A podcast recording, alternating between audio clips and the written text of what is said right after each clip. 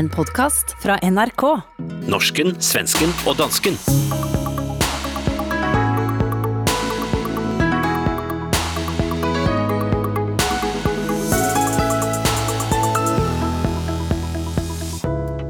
Hva skjedde da en dansk rapper spilte video og la den ut i kulturminister Joy Mogensens navn? Hvorfor jublet Erna Solberg denne uken? Og lider vi alle av svenske skræk?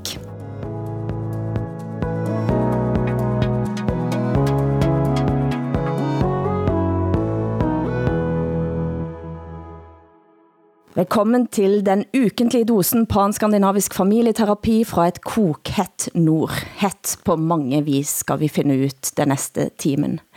Som vanlig i København, Hassan Preisler, Åsa Linderberg fra Varberg denne gangen, og mitt navn er Hilde Sandvik i Bergen.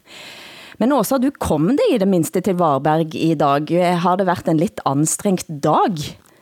Nej, men det var, var dåligt faktiskt. Igår åkte jag till Göteborg för att intervjua Horace Engdahl och det var ett magiskt samtal om klass och klasskomplex och sen så upptäckte jag att jag hade glömt att sätta på inspelningsknappen. Efter detta hamnade jag på krogen, drack väldigt mycket vin, eh, missade tåget, eh, köpte ett dyrt hotellrum mitt i natten, försov mig i morse, upptäckte att jag glömde mina skor när jag åkte därifrån och mina byxor har jag glömt också. Och nu jag har kläder på mig nu kan jag säga, men för fan vilken dag. Eller dygn, vilket dygn. Mm. Men du var, du var lidt uh, eh, ledsen du forrige uke for at uh, eh, svensker ikke får lov til at komme til Norge. Og denne uken så blev det ændringer i rejsereglerne for nordmænd til utlandet. Og Sverige blokka helt ut, bortset fra Gotland. Det har skabt en vis forbitrelse i Sverige. Spørgsmålet, hvad er logikken? Og det måtte Erna Solberg svare på i Dagsnytt 18. Hvordan kom dere til at, at Sverige skulle fortsat holde så å si stengt? Da? Folkehelseinstituttet har jobbet sammen med det danske Folkehelseinstituttet og, og jobbet frem kriterier for regioner, og hvilke kriterier skal vi ha for å si om denne regionen er, er grei å reise til, eller at folk kan reise fra den til, til våre land. Og eh, det er jo det settet med, med regler som da gjør at eh, hele fastlandsværet akkurat for øjeblikket ikke er, eh, når kriteriene. Og hvordan har dere kommet frem til disse kriteriene, Line Vold, du er avdelingsdirektør i Folkehelseinstituttet? Vi har jo sett på tallene som vi har fått av, av statsepidemiologen i Sverige og det instituttet han jobber ved, og så har vi gjort de vurderingene ut fra, altså basert på de kriteriene vi har satt, og gjort en objektiv vurdering. Og da var det Gotland som ble grønn. Her hørte man altså Line Vold i Folkehelseinstituttet forklare, hvorfor man kan få lov til at rejse til Gotland, men ikke resten av Sverige. Hvad synes du om den logikken også? Nej, men jag tycker det är helt eh, idiotiskt av det enkla skälet att eh, på Gotland så är det fullt av stockholmare eh, när alla normen ska åka dit. Om det är så att man inte vill, våga, att man inte vill åka till Stockholm man vill inte ha stockholmare till Norge, då ska man ju akta sig för Gotland. För det är ju den stora semesterön. På norra Gotland bor den socialdemokratiska adeln och på södra Gotland där bor kultureliten. Det är där man håller det, till det, på sommaren. Det betyder Stockholm Stockholm flyr over da, altså til, til Gotland og slår mm. sig ned i sommerstugor og, og mm. er der hele sommeren. Er det sådan det er? Just det, ja. det är så mycket stockholmare eh, i Visby. Man hör ju bara stockholmska, man hör ju inte gotländska i Visby. Utan det är stockholmare där. Men det är klart, om ni norrmän vill åka dit så gör det. Men eh, det är inte coronafritt ifall det är det man tror. Som kulturelitemann, Hassan Preisler, er det fristende, og får du lyst til at rejse til Gotland du da? Kan danske rejse til Gotland nu? Det, det kan jeg faktisk ikke følge helt med i. Der er jo kommet helt nye, friske rejsevejledninger fra Udenrigsministeriet nu her, mens vi sidder og taler sammen. Men eh, idag så bestämde Danmark att svenskar får bara komma till Danmark om man kommer från Västerbotten, Skåne eller från Sörmland. Och eh, det är fullständigt idiotiskt det också, därför att Sörmland är det län som är mest drabbat av corona, bortsett från Stockholm. Så att det... Men er, er, det ikke, er det ikke et spørgsmål om dialekt? en av de som alltid rejser fra Stockholm til Gotland, nogle av de som alltid rejser fra Stockholm til Gotland på sommeren, det er podcastduoen Alex og Sigge. Og her er et utdrag for podcast fra nogle år tilbage, da Sigge Eklund var helt fersk på øya, Og det klippet vi skal høre nå, så har Sigge støtt på en del ulike arketyper på Gotland, som han ønsker at teste ut for at se, hvordan Alex, som har haft sommerhus der længe, håndterer. Hør her. Typ 1 då, um, experten. Mm. Det är ju väldigt många experter här mm. som jag stöter på. Mm. Till exempel då igår när vi fick motorfel med den här skrotbilen. Mm. Och då, är det ju, då, då kommer det ut en, en man från en gård där. Mm. Och eh, då, är, då, då märker man ju från sekund ett att han är expert ju. Mm. Och då är du jag nu. Mm. Vad är det nu då? Eh, hallå där? Eh, du är inte från Gotland hör jag. Jo. Va? Jag har bott på ön i många år. ja, nej men bilen... Vad, vad hände med, med, med, med bilen? Bil, bilen bara la av. Eller den, den började blinka, den här lampan, motorfelslampa, så vi bara stannade. Ja, får, får jag titta här? Ja. Det är bränsletryck och det är cylindrarna. Vad fan hans moster va? Det är för ärens skull. Jo, men är det ett svårt ingrepp? Alltså, vad, är det mycket du behöver göra? Kom med? imorgon vid lunch. Det är klart. Jag tar en 5000. Och det här är ju bra priser. Men varför säger du pris? Alltså, vad, du... Ja, Ja. Var kommer du ifrån? Jag kommer från norrut på ön.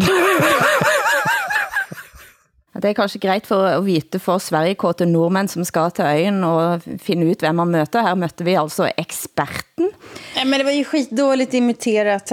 Sigge Eklund försöker prata gotländska. Han missade hela poängen med det, det som utmärker gotländska, nämligen diftongerna. Man säger inte ben, man säger bein, till exempel. Och sådär. Eh, det var riktigt dåligt imiterat tycker jag. Jag blev förbannad på det. Nej, ja. Jo, lite irriterad blev jag. Men spänningen begynder at bli til at ta og føle på, og senere denne uka så var det også klart at ikke heller vi får lov til at komme til Sverige nå. Utenriksminister Anne Linde måtte på morgenradio på SR og forsvare den nye politikken og snakke om det anspændte forholdet til Norge. Men tycker du att Norge till exempel borde släppa in oss?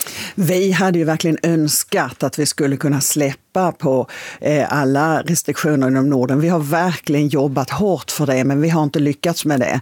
Eh, och det är jag ledsen över. Men, men varför lyckas ni inte? Eh, men det är ju för att de regeringarna har fattat sina beslut utifrån vad de tror är bäst för sin befolkning. Och det respekterar vi ju naturligtvis fullt ut.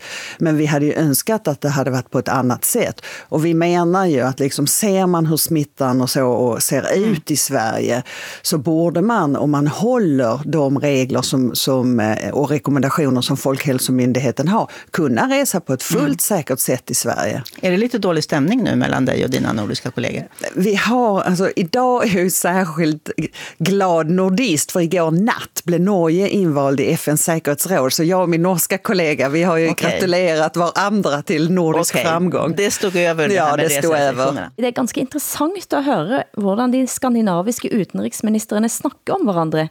Og på slutten her så hørte vi om FN's sikkerhedsråd, som der Norge og Sverige har backet hverandres kandidatur. Den som kanskje ikke er så glad er Greta Thunberg, som i forkant skrev brev til 30 øystater og advarte mot at Norge og Kanada skulle bli valgt ind. Eh, nu er altså Norge valgt ind som en av disse 10 lande, da, eh, som, er, som sitter sammen med fem faste land og har drevet kampagne i 2007 for at få denne pladsen. Eh, det er ikke så længe siden Sverige satt i Sikkerhedsrådet også. Hvordan gik det? Nej, vi satt i säkerhetsrådet ganska nyligen och det gick väl eh, inget vidare i den meningen att jag tror inte att vi fick igenom någonting eller jag kanske har, jag kanske har fel men eh, Nej, jeg kan sige, at eh, noget af det Sverige fik til, eh, var altså det, som hette såkaldt Stockholmsavtal med Yemen. Men ikke minst eh, så fik altså Sverige ind, at kvinder og sikkerhed fred skulle være med i alle FN-mandater og alle fredsbevarende operationer, så skulle kvinder ind. Så den kan snakke om, at kanskje genusdoktrinen kom ind i FN via det svenske kandidaturet. Det, det kan man göra. Jag var glad att Sverige satt säkerhetsrådet för att Sverige då ju har kämpat aktivt för att man ska erkänna Palestina som en fri stat. Det var väl de, någonting som de jobbade på där. Men eh, jag är också glad att Norge sitter där. Jag tycker att Norge är många gånger the voice of reason, så att, eh, välkomna. Tak, det var kanskje femte gangen, og jeg skal svare på vegne av en nation her på något vis, men det er femte gangen Norge er med. Eh, Dan eh, Hassan Danmark, eh, 2004 tror jeg var forrige gang. Ja, altså, øh, jamen prøv at høre, det er sådan, at det er rigtig godt, at det er Norge, som er kommet i FN's Sikkerhedsråd, og ikke Danmark, fordi vi har et, øh, et stort problem i Danmark lige nu. Mette Frederiksen, vores statsministers personlige rådgiver, Martin Rossen, er gået af.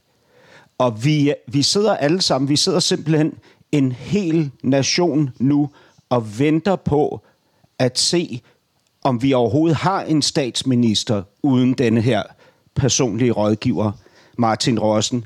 Så jeg tror, vi har rigeligt at gøre med at holde orden på vores egen stat, og ikke samtidig skal sidde i FN's Sikkerhedsråd, når nu vi har mistet øh, det holdningsfundament, som lå inden under vores regering. Hvad, hvad er grejen med han? Jamen, den bedste måde at forklare det på, det er, da der var lagt op til, at Donald Trump skulle besøge Danmark, der lavede danskerne, især dem, der ikke var så begejstrede, de fik fabrikeret en kæmpestor ballon, en Trump-ballon. Altså en ballon, som skulle illustrere verdens mægtigste mand, som hang over Danmark. Ikke? Men Radio 24 som jeg var ansat på på det tidspunkt, de lavede så en tilsvarende ballon over Martin Rossen med hans hoved på. Fordi man vil gerne have, at det skulle være Danmarks mægtigste mand, der mødte verdens mægtigste mand på det tidspunkt. Og hvorfor går han af? Det er fordi, han har fået sit drømmejob. Han skal arbejde som direktør i den danske virksomhed Grundfos, som producerer ventiler, termostater og pumper. Og i den virksomhed, der vil han kunne gøre det bedre for alle mennesker og for jordkloden som helhed. Gennem ventilen og pumpesystemerne? Ja, det siger han. Øh, jeg, jeg ved ikke hvordan, men øh, han kan meget, så jeg er sikker på, at han også kan dette. Vi savner ham allerede. Du hører norsken, svensken og dansken i SR, DR og NRK.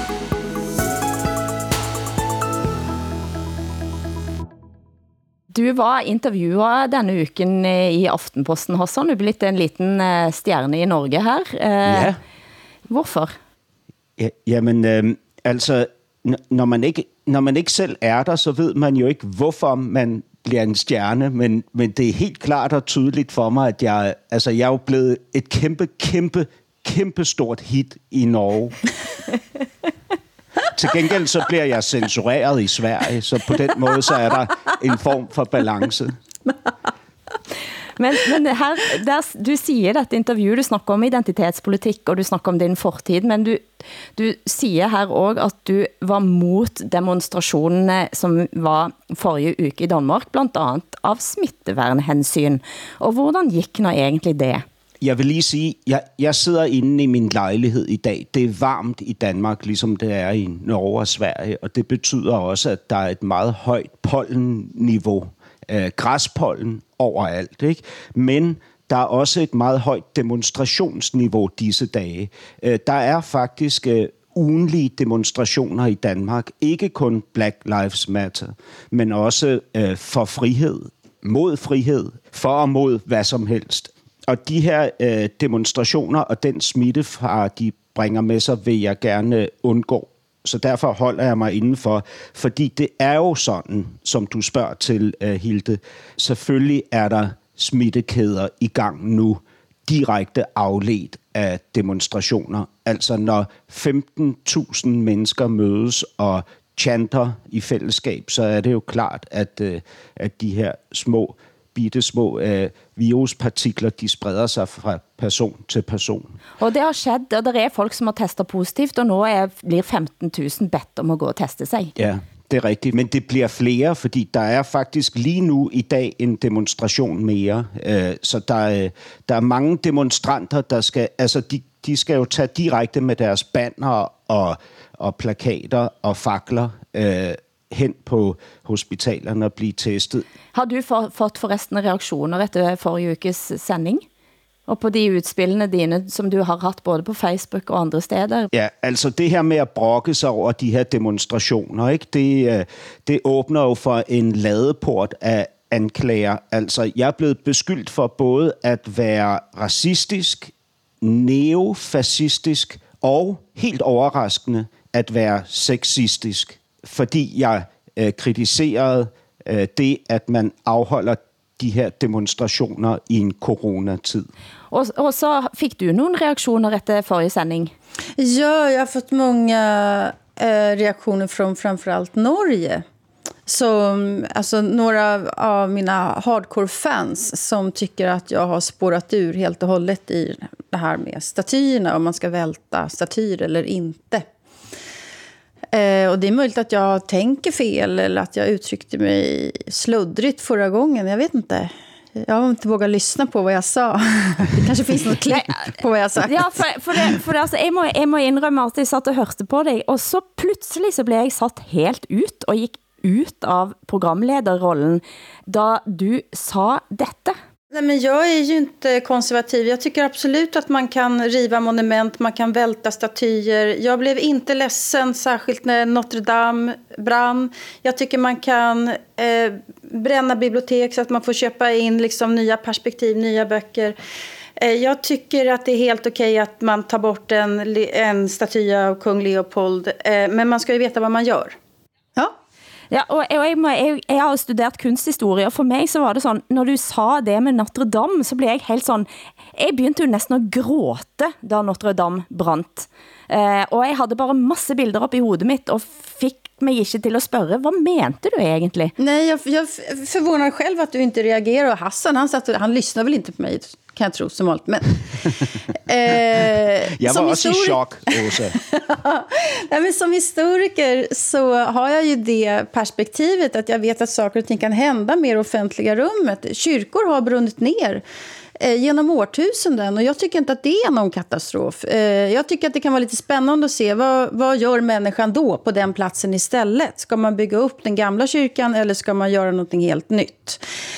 Men när det gäller de här statyerna då, så jag står ju för någon form av pragmatism fortfarande. Att, att riva statyer är ju en aktiv handling, men att behålla statyer är också en handling.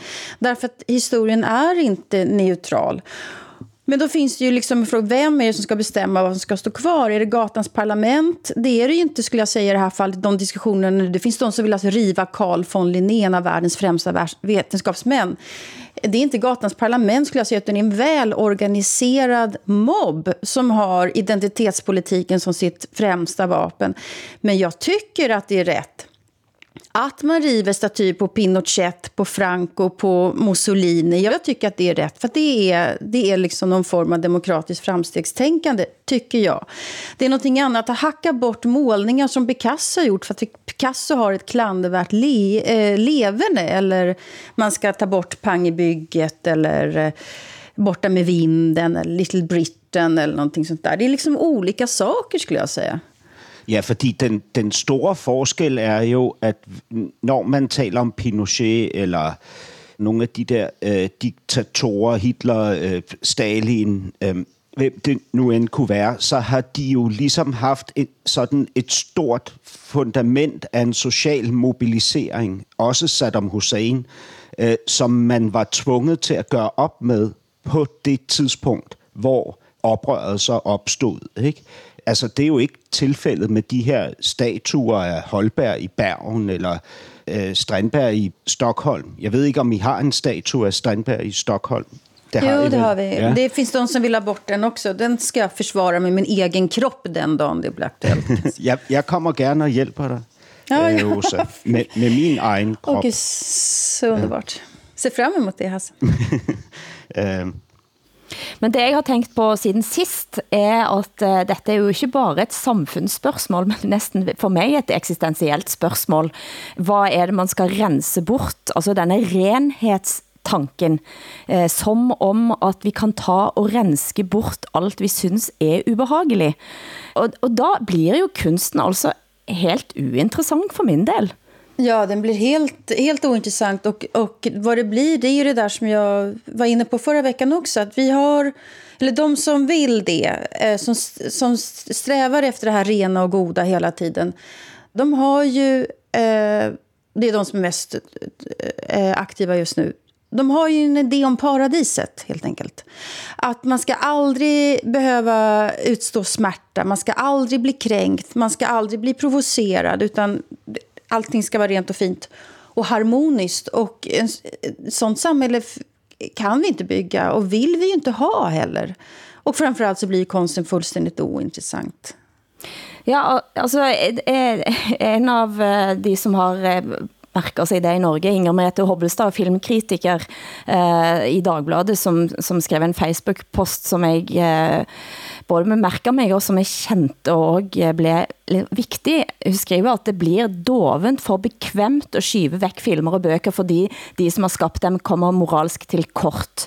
Og så tar hun op Hitchcock, Hitchcock var altså en, et ubehagelig menneske. Uh, han havde veldig mye mørke inde i sig, og skabe disse verkene. Og på en eller anden måde, så tænker jeg, netop fordi han vet, hvad det er at drive med stalking, han vet, han kender det der stærke ubehag, både begære og alt det som er, det svarte, som gör att de verken han skaber og kan träffa. Då. Jättestora kvinnoporträtt har han gjort med sina filmer också, måste man ju säga. Så att, nej, men det är, det är drömmen om det goda paradiset. Men samtidigt så tänker jag, jag läste en väldigt bra artikel av eh, Andreas Johansson Heine eh, som är chef för Timbro i Sverige, alltså borgerlighetens stora tankesmedja. Han skrev i DN en väldigt bra text. Att man måste kunna hålla två tankar i luften samtidigt när det gäller de här statyerna och det här Black Lives Matter. Att föreställningen, säger han, om att alla vita bär på en kollektiv skuld för hur svarta behandlas, den är fullständigt livsfarlig. Men det är också farligt att göra sig lustig över den antirasistiska rörelsen. Att, att eh, trycka ner dem och, och eh, säga att de inte har något case. För det är klart att det finns rasism. Mm. Och det gäller att kunna hålla det där. Men ing, att, att driva statyer är inte lösning på varken det ena eller det andra. Der har været en eh, plot twist i Sverige den sidste uken. Alexander Bard, dommer i Talang, som tilsvarer norske talenter, fik fyken fra TV4 efter en Twitter-melding. Der gik han ut mot Black Lives Matter-bevægelsen og sa blandt andet, at dersom svarte liv ønsker at bety noget, så må svarte liv ta sig sammen, studere hardt, gå på arbeid, tjene sine egne penger i stedet for at afhænge av velfærdssystemet. Hør her Maria Brander, en nöjes kronikør i Expressen TV om denne saken. Ja, men jag blev ju nästan uh, mållös. Uh, kände mig snudd på tom. Alltså, jag har ju följt Alexander Bard på Twitter och läst vad han skrivit tidigare och man är ju van vid en tillspetsad eh, vass ton från honom som återkommer hela tiden. Men det här gick liksom över en annan sorts gräns.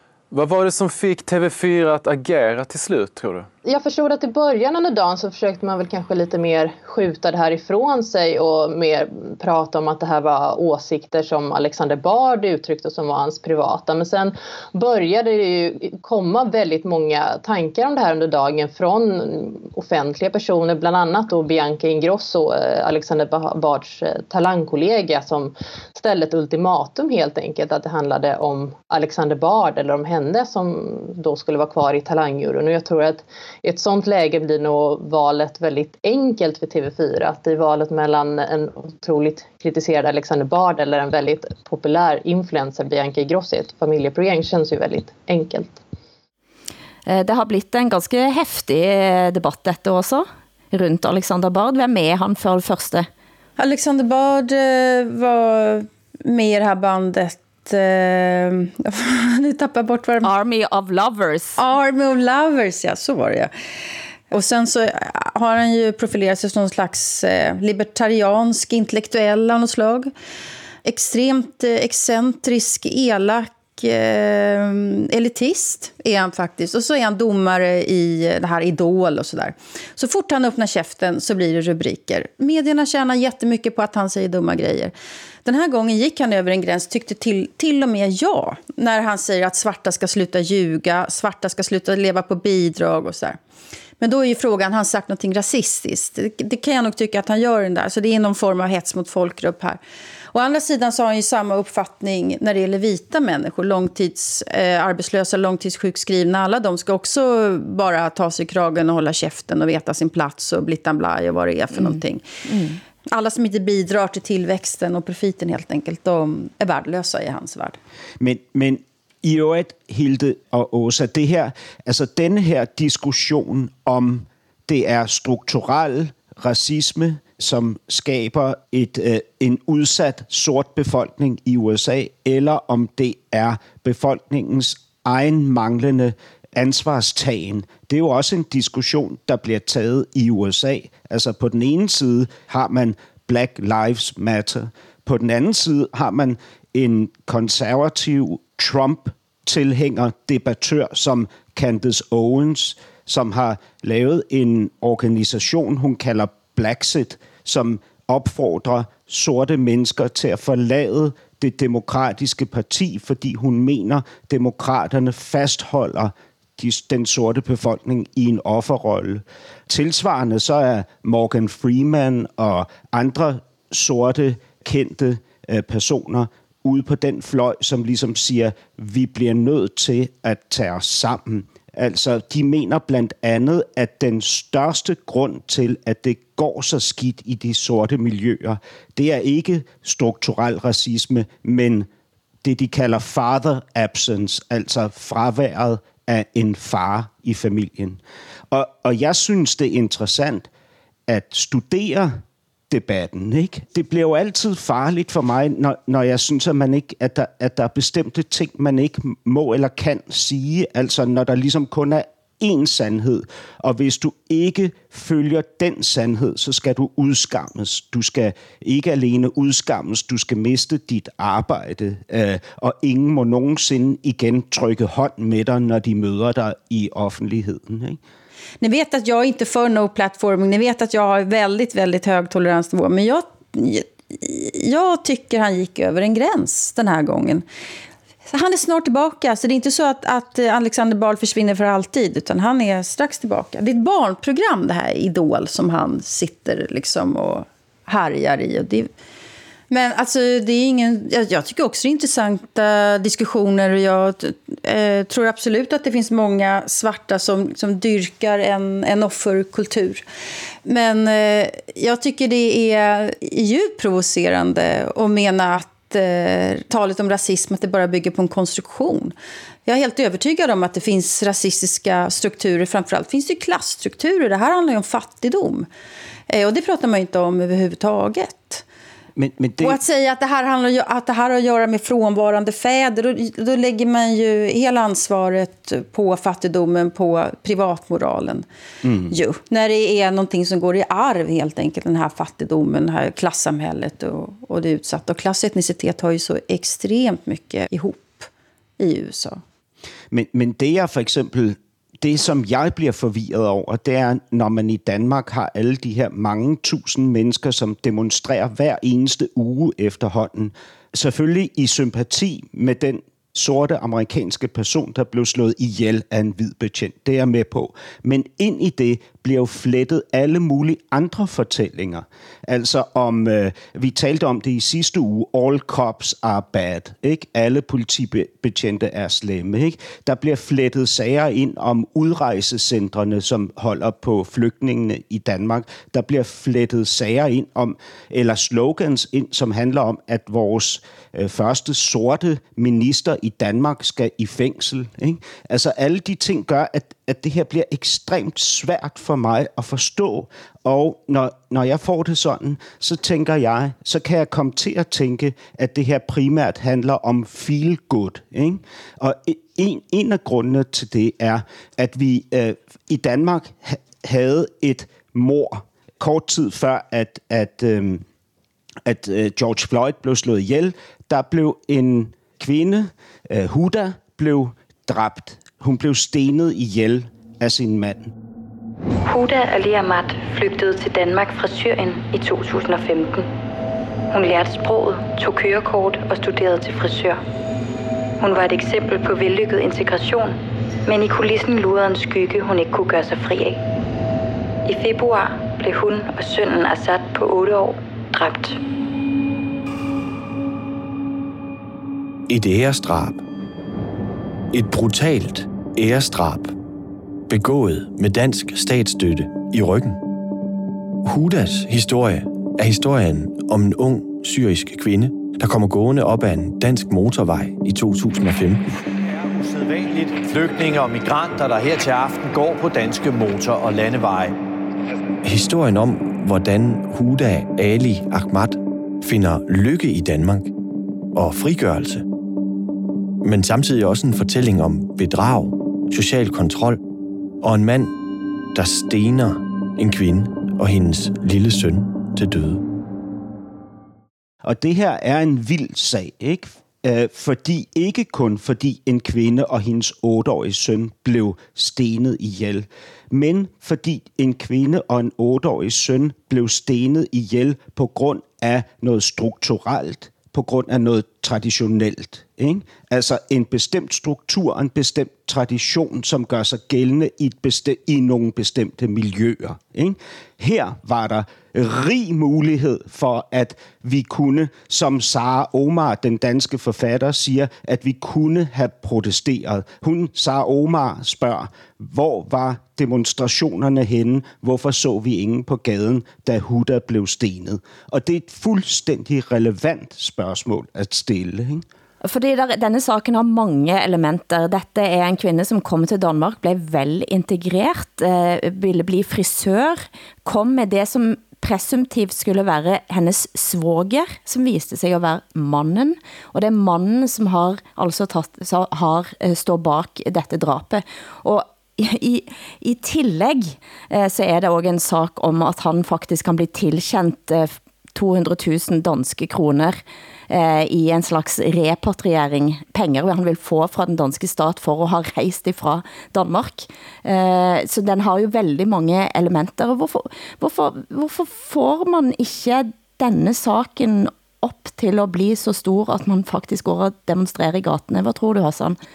Jamen altså, min, min mistanke, og det er jo en frygtelig mistanke, men min mistanke er, at de mennesker, der er ude og demonstrerer lige nu for sortes rettigheder i USA, de har en sag, som er så tydelig for dem inde i deres bevidsthed, at de med lethed kan marchere, og de med lethed kan føle sig gode, mens de marcherer. Ikke? Det her er meget mere komplekst, fordi hvis vi træder ind i den her diskussion, hvis vi begynder at gå i gaderne for Huda, så er vi nødt til at forholde os til det opgør, hun ønskede, som var et kulturelt opgør. Ikke? Hun ville ud af det, hun kom fra, og ind i det, vi kunne tilbyde hende her. Ikke?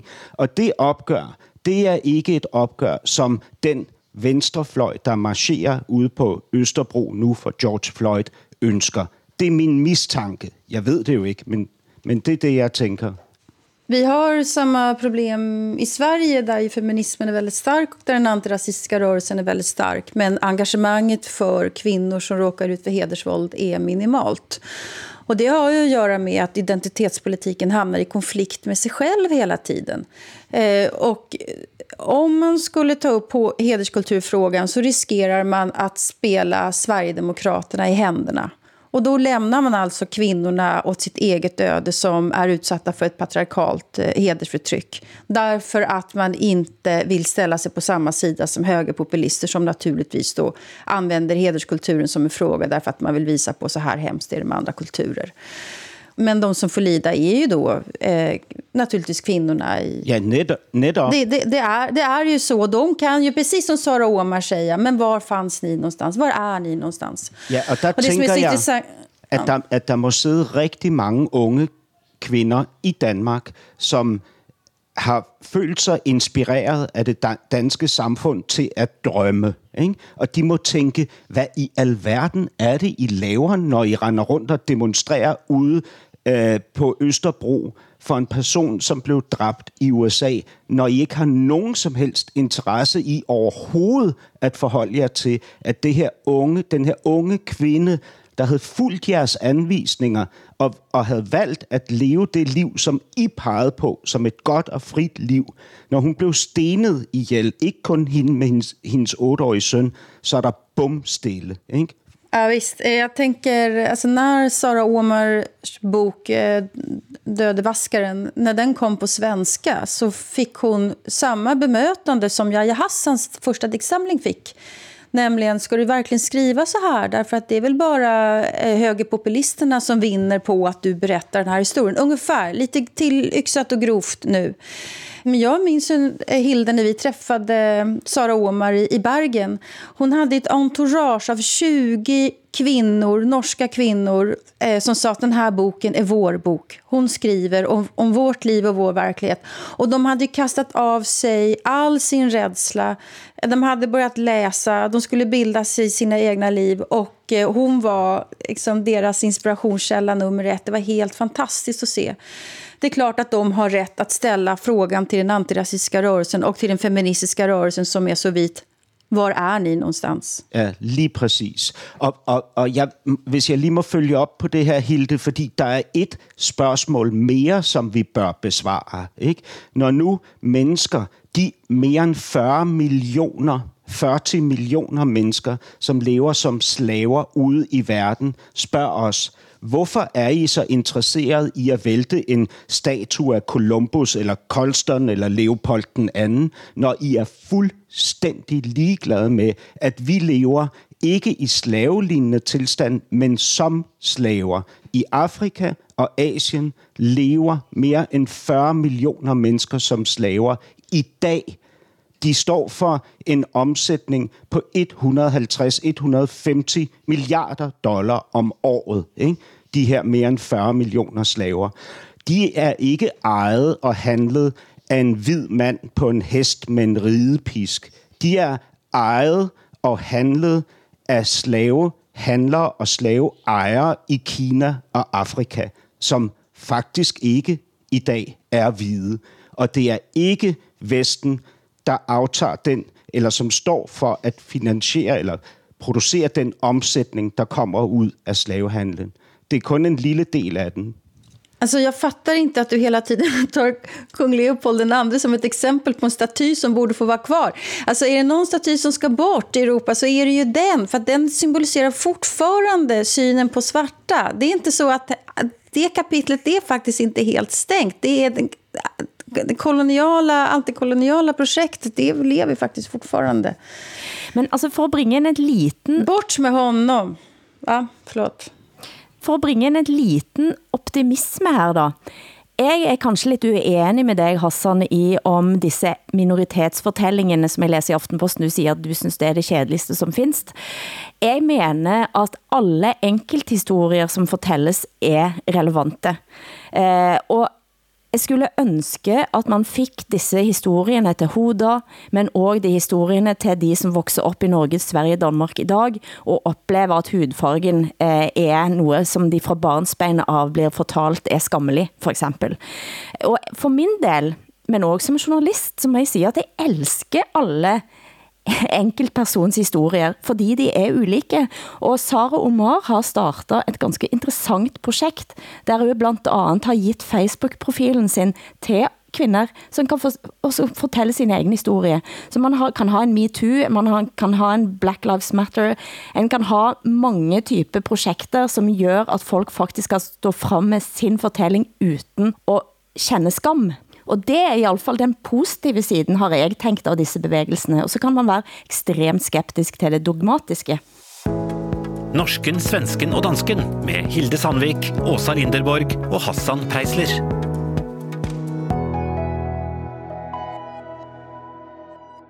I 2017 fik Københavns politi en anmeldelse mot en 25 år gammel mand, som havde hacket og stjålet Facebook-profiler for unge kvinder. I efterforskningen fandt politiet en online katalog med hundrevis av kvindenavn i alfabetisk rækkefølge.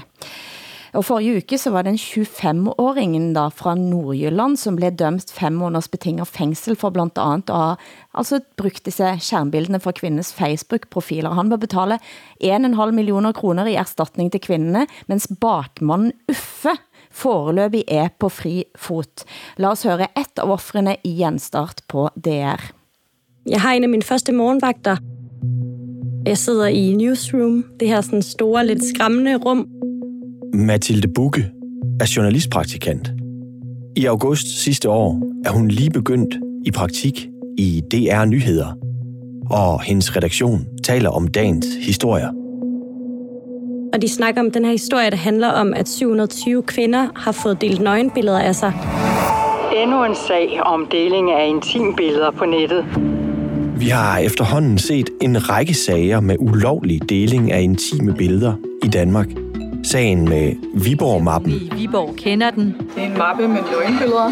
og Umbrella-sagen. Distribueret børneporno i forbindelse med den såkaldte Umbrella-sag. Umbrella-sag for politiet. Men den her historie er lidt anderledes. Offrene er ikke kun helt unge piger, men kvinder i 20'erne og 30'erne. Og mange af dem har aldrig selv delt et nøgenbillede af sig selv. Det handler for eksempel om ammebilleder, som er blevet hacket direkte fra folks computere eller telefoner. Og den egentlige bagmand, Uffe, ja, han er stadig på fri fod. Her hørte vi altså Mathilde Bugge, som var et av offrene eh, i, eh, til, i denne store saken, og 700 jenter har mistet bildene sine, og det er en online-katalog, der mænd faktisk kan bare de, du får tilgang på katalogen med at give nogle nye bilder af nogle nye jenter. Altså det er et ganske stort system, dette. Ja, det, et stort det her det system. er faktisk 800 unge kvinder, ikke primært unge kvinder. Det er kvinder, der er blevet hacket, og så har, har de øh, stjålet deres øh, billeder, hvor de er afklædt. Ikke? Det kan være øh, helt ned til, at der sidder en kvinde med et bryst fremme og ammer sin baby. Ikke? Oh, prøv at høre, Hilde, jeg, altså, jeg kan blive så træt, fordi det, det, hvad er det så? Så er det, vi kan gøre, det er, at vi kan vi kan arrangere en demonstration imod øh, øh, piger, som er udsat for, at deres nøgenbilleder bliver offentliggjort. Og så kan vi gå med et skilt og råbe, nej til offentliggørelse af nøgenbilleder, nej til, og så kan vi gå hjem igen og fortsætte vores liv. Ikke? Men vi kunne faktisk også, og det jeg er interesseret i som menneske, og især som mand, vi kunne også tage skridt ind i de her ting, når vi ser dem, og så bruge den lovgivning, de strukturer, der er på plads til at sætte en fod ned over for det her, de her urimeligheder. Ikke? Men det er bare ikke der, interessen ligger. Interessen ligger i at gå rundt og sige, at man mener det her, man ikke mener det her. Jeg vil aldrig gøre sådan, og jeg er et bedre menneske end det der og det der. Ikke? Men man er ikke villig til på noget som helst tidspunkt at betale den pris, der følger med, når man går ud og stiller sig op og siger, hertil og ikke længere. Hvis I vil begå den urimelighed, så skal I forbi mig først. Ikke? 800 kvinder. Alle de her kvinder ved det, fordi de har fået et opkald fra politiet. Ikke? De her kvinder står ikke frem. Øh, De bakker ikke op omkring Mathilde Bukke, som har taget den her sag op. Ikke? Hvad med deres øh, brødre, deres ægtemænd, deres fædre? Øh, Hvad med alle de her utrolig mange mænd, som har været inde på de her mapper og dele billeder. De her mænd har også venner, de har også fædre, de har også siddet og drukket øl øh, på en bar, hvor de så har fortalt om det her til andre mennesker. Ikke? Det her er ikke, det her handler ikke om kønskamp, det handler ikke om MeToo, det handler om overgreb, helt konkrete overgreb, som vi kan gribe ind for, og som vi skal gribe ind for, ikke fordi vi har et bestemt køn eller en bestemt politisk overbevisning, men fordi vi er mennesker. Ikke? Og som vi, vi har jo været innom uh, dette med, at man ser uretten begå og går forbi. Har Hassan ett poäng? Jag, jag vet inte, det finns ju de som tycker att det är väl inte så farligt. Det är ju många som tycker att man ska reagera och så. Men det, jag skulle säga att min kropp är det hemligaste jag har. Jag är väldigt försiktig med vem jag visar min kropp för. Och den som fotar min kropp och sen sprider bilder på den kroppen, den skulle jag vilja straffa. Verkligen. Jag tycker att det ska vara straffbart. Jag vet ju själv hur det är när jag får mejl. Det händer ju ofta män som mejlar mig och säger att de tittar på min Baylan-bild och så runkar de till den eller sådär. Eh, Eller de vill att jag ska bli våldtagen av somalier för att, jag är, för att de tycker att jag är en fitta etc. Och så. Det är kränkande faktiskt att folk har fantasier om ens underliv överhuvudtaget. Och om man säger så här, men där får du väl bara gå med på, eller det är väl inte så farligt, så undrar jag, finns det någon åldersgräns för det här? Alltså det finns 75-åriga kvinnor som också har sex.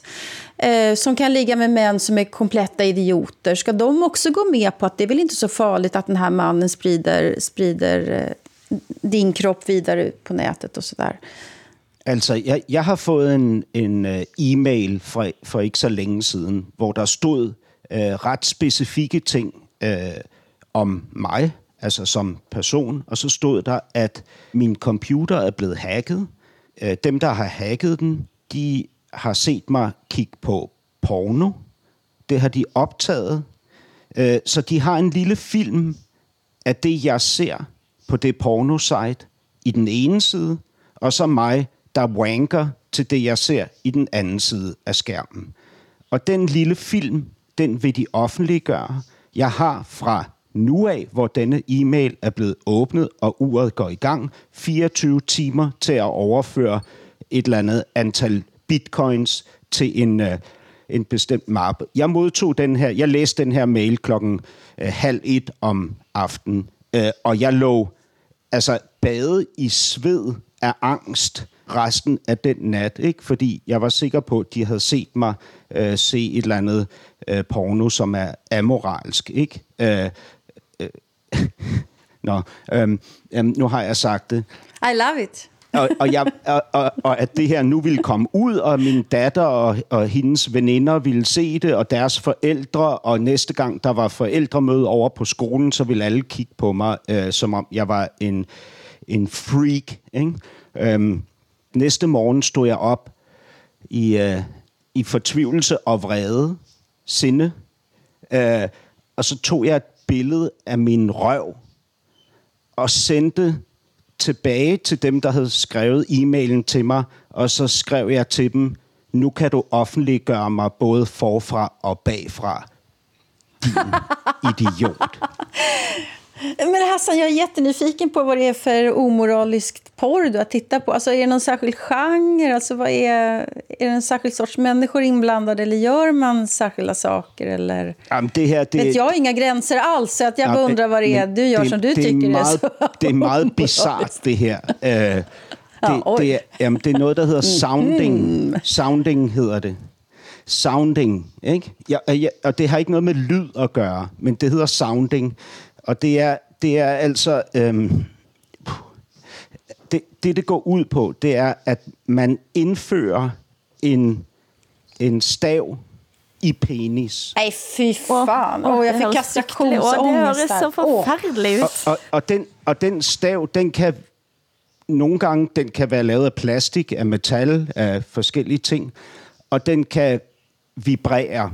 Nå, Hassan, og du, du må huske, dette skal altså sendes på svensk radio også. Nå må du være uh, Nej, rolig. men de har redan stängt av för länge sedan. Det här är bortklippt. Det här går- kommer Ja, men-. Men, men- får jag fråga, har man samlag med en Nej, nej, plaststav nej, nej, i så, pen? jamen, så når man har den stav inde i penis, så kan man blive masturberet fra ah, indersiden. På indsiden, ja. Okay.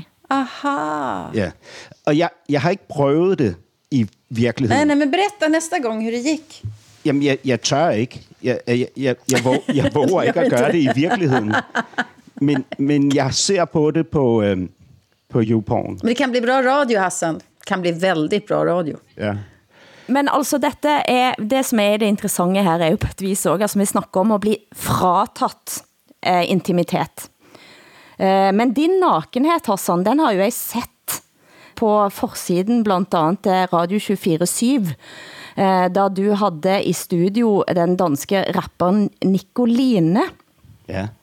Der var det et bilde der Nicoline, som er naken, som, som står og holder dig i sine armer, og du har heller ikke så mye... Jeg lurer på om det var en liten sladd på det bildet. Fordi jeg synes det er interessant at sætte op den krænkelsen det er at bli frataget intimitet, men det er at vælge at gøre det selv. Og denne rapper Nicoline slapp en ny låt denne uken her. Hør her. Fuck problem. Problem. Problem. Problem.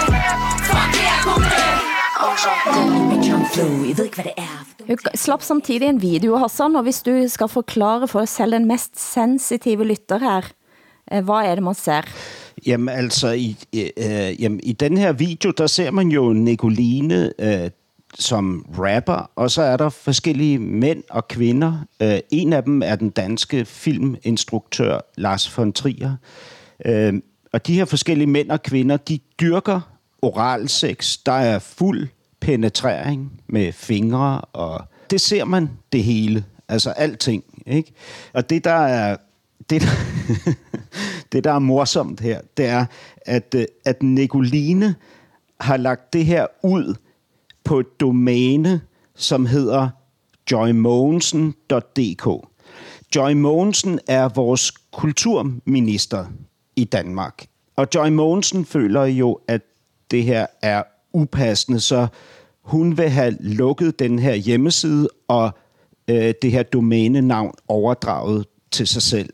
Og, og til det siger Nicoline så, nu prøver Socialdemokratiet at sagsøge mig igen. Det er ikke første gang, åbenbart, at Socialdemokratiet i Danmark forsøger at sagsøge Nicoline. Og så siger hun, overvej det lige.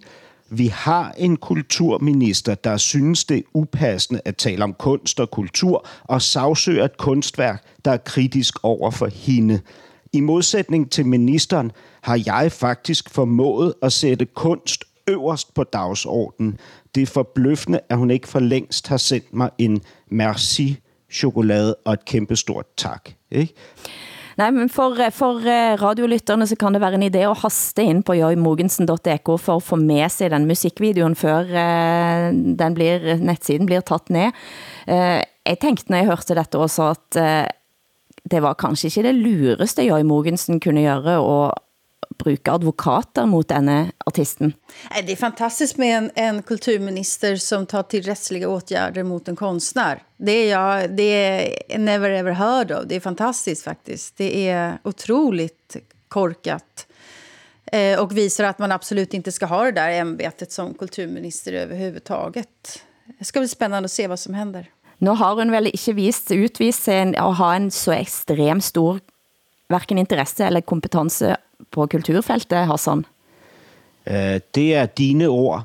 Det, uh, dem vil jeg aldrig tage i min mund. uh, og, det, og det skyldes ikke, at det jo i fremtiden vil være Joy Mogensen, der skal finansiere mit liv. Det er Nej, ikke derfor, at jeg lader dig sige dette, og ikke bakker op omkring dig. Hvad, hvad skal man sige? Altså, hun har jo ikke været den mest markante kulturminister. Øh, jo, øh, på, på den anden side, det har hun jo nok. Altså, i sit fravær har hun jo været ekstremt markant, ikke? Og sin ligegyldighed over for området. Snart finns en staty på henne, ska du se. Ja, en statue af hende. Jeg komme og hjælpe dig og vælte den staty? Ja, jeg er jo ikke tilhænger af at vælte statuer. Du skal se sen, du skal se sen. Men altså, ja, jeg ved ikke, hvad jeg skal sige. Leopold den anden. Du hører norsken, svensken og dansken. Programmet blir sendt i Danmarks Radio, Sveriges Radio og Norsk Rikskringkasting.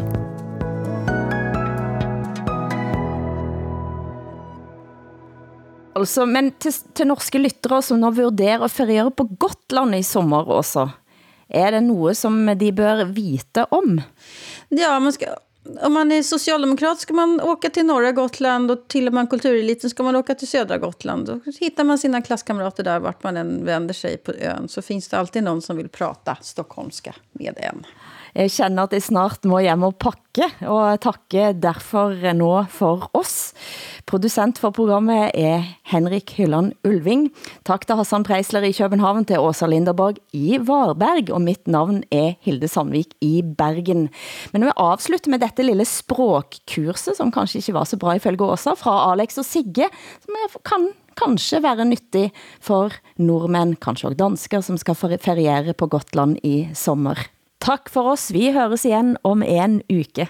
Får jag, bara, får jag bara ge lite feedback på, på gotländskan? Alltså när du då går in i de här karaktärerna. Så... Jag har ju bara bott här i sex dagar. Ja. Nej men det är väldigt dåligt ju. Men alltså allting, alltså eh, alla, alla eh, verb eh, som har ett A som slut blir då med ett E på slut. Förstår du? Springe. Hoppe. Alltså det, det, det, om du kommer in i den, då kommer du ändå kunna... Då har du kommit, Måste man låta så förvånad? Ja. Springe! Exakt så.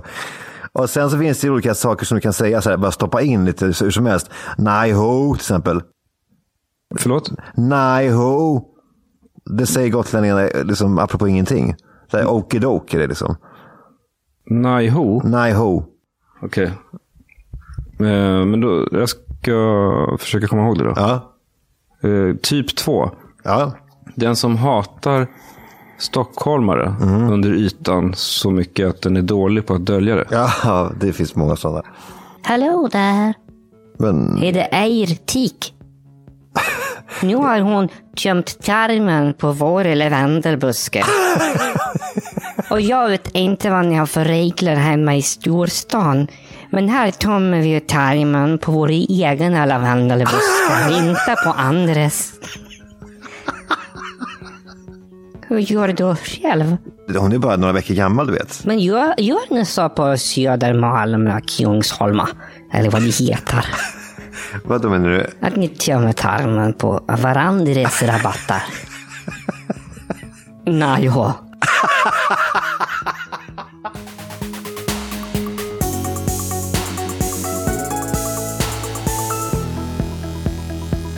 Du har hørt en podcast fra NRK. Hør flere podcaster og din NRK-kanal i appen NRK Radio.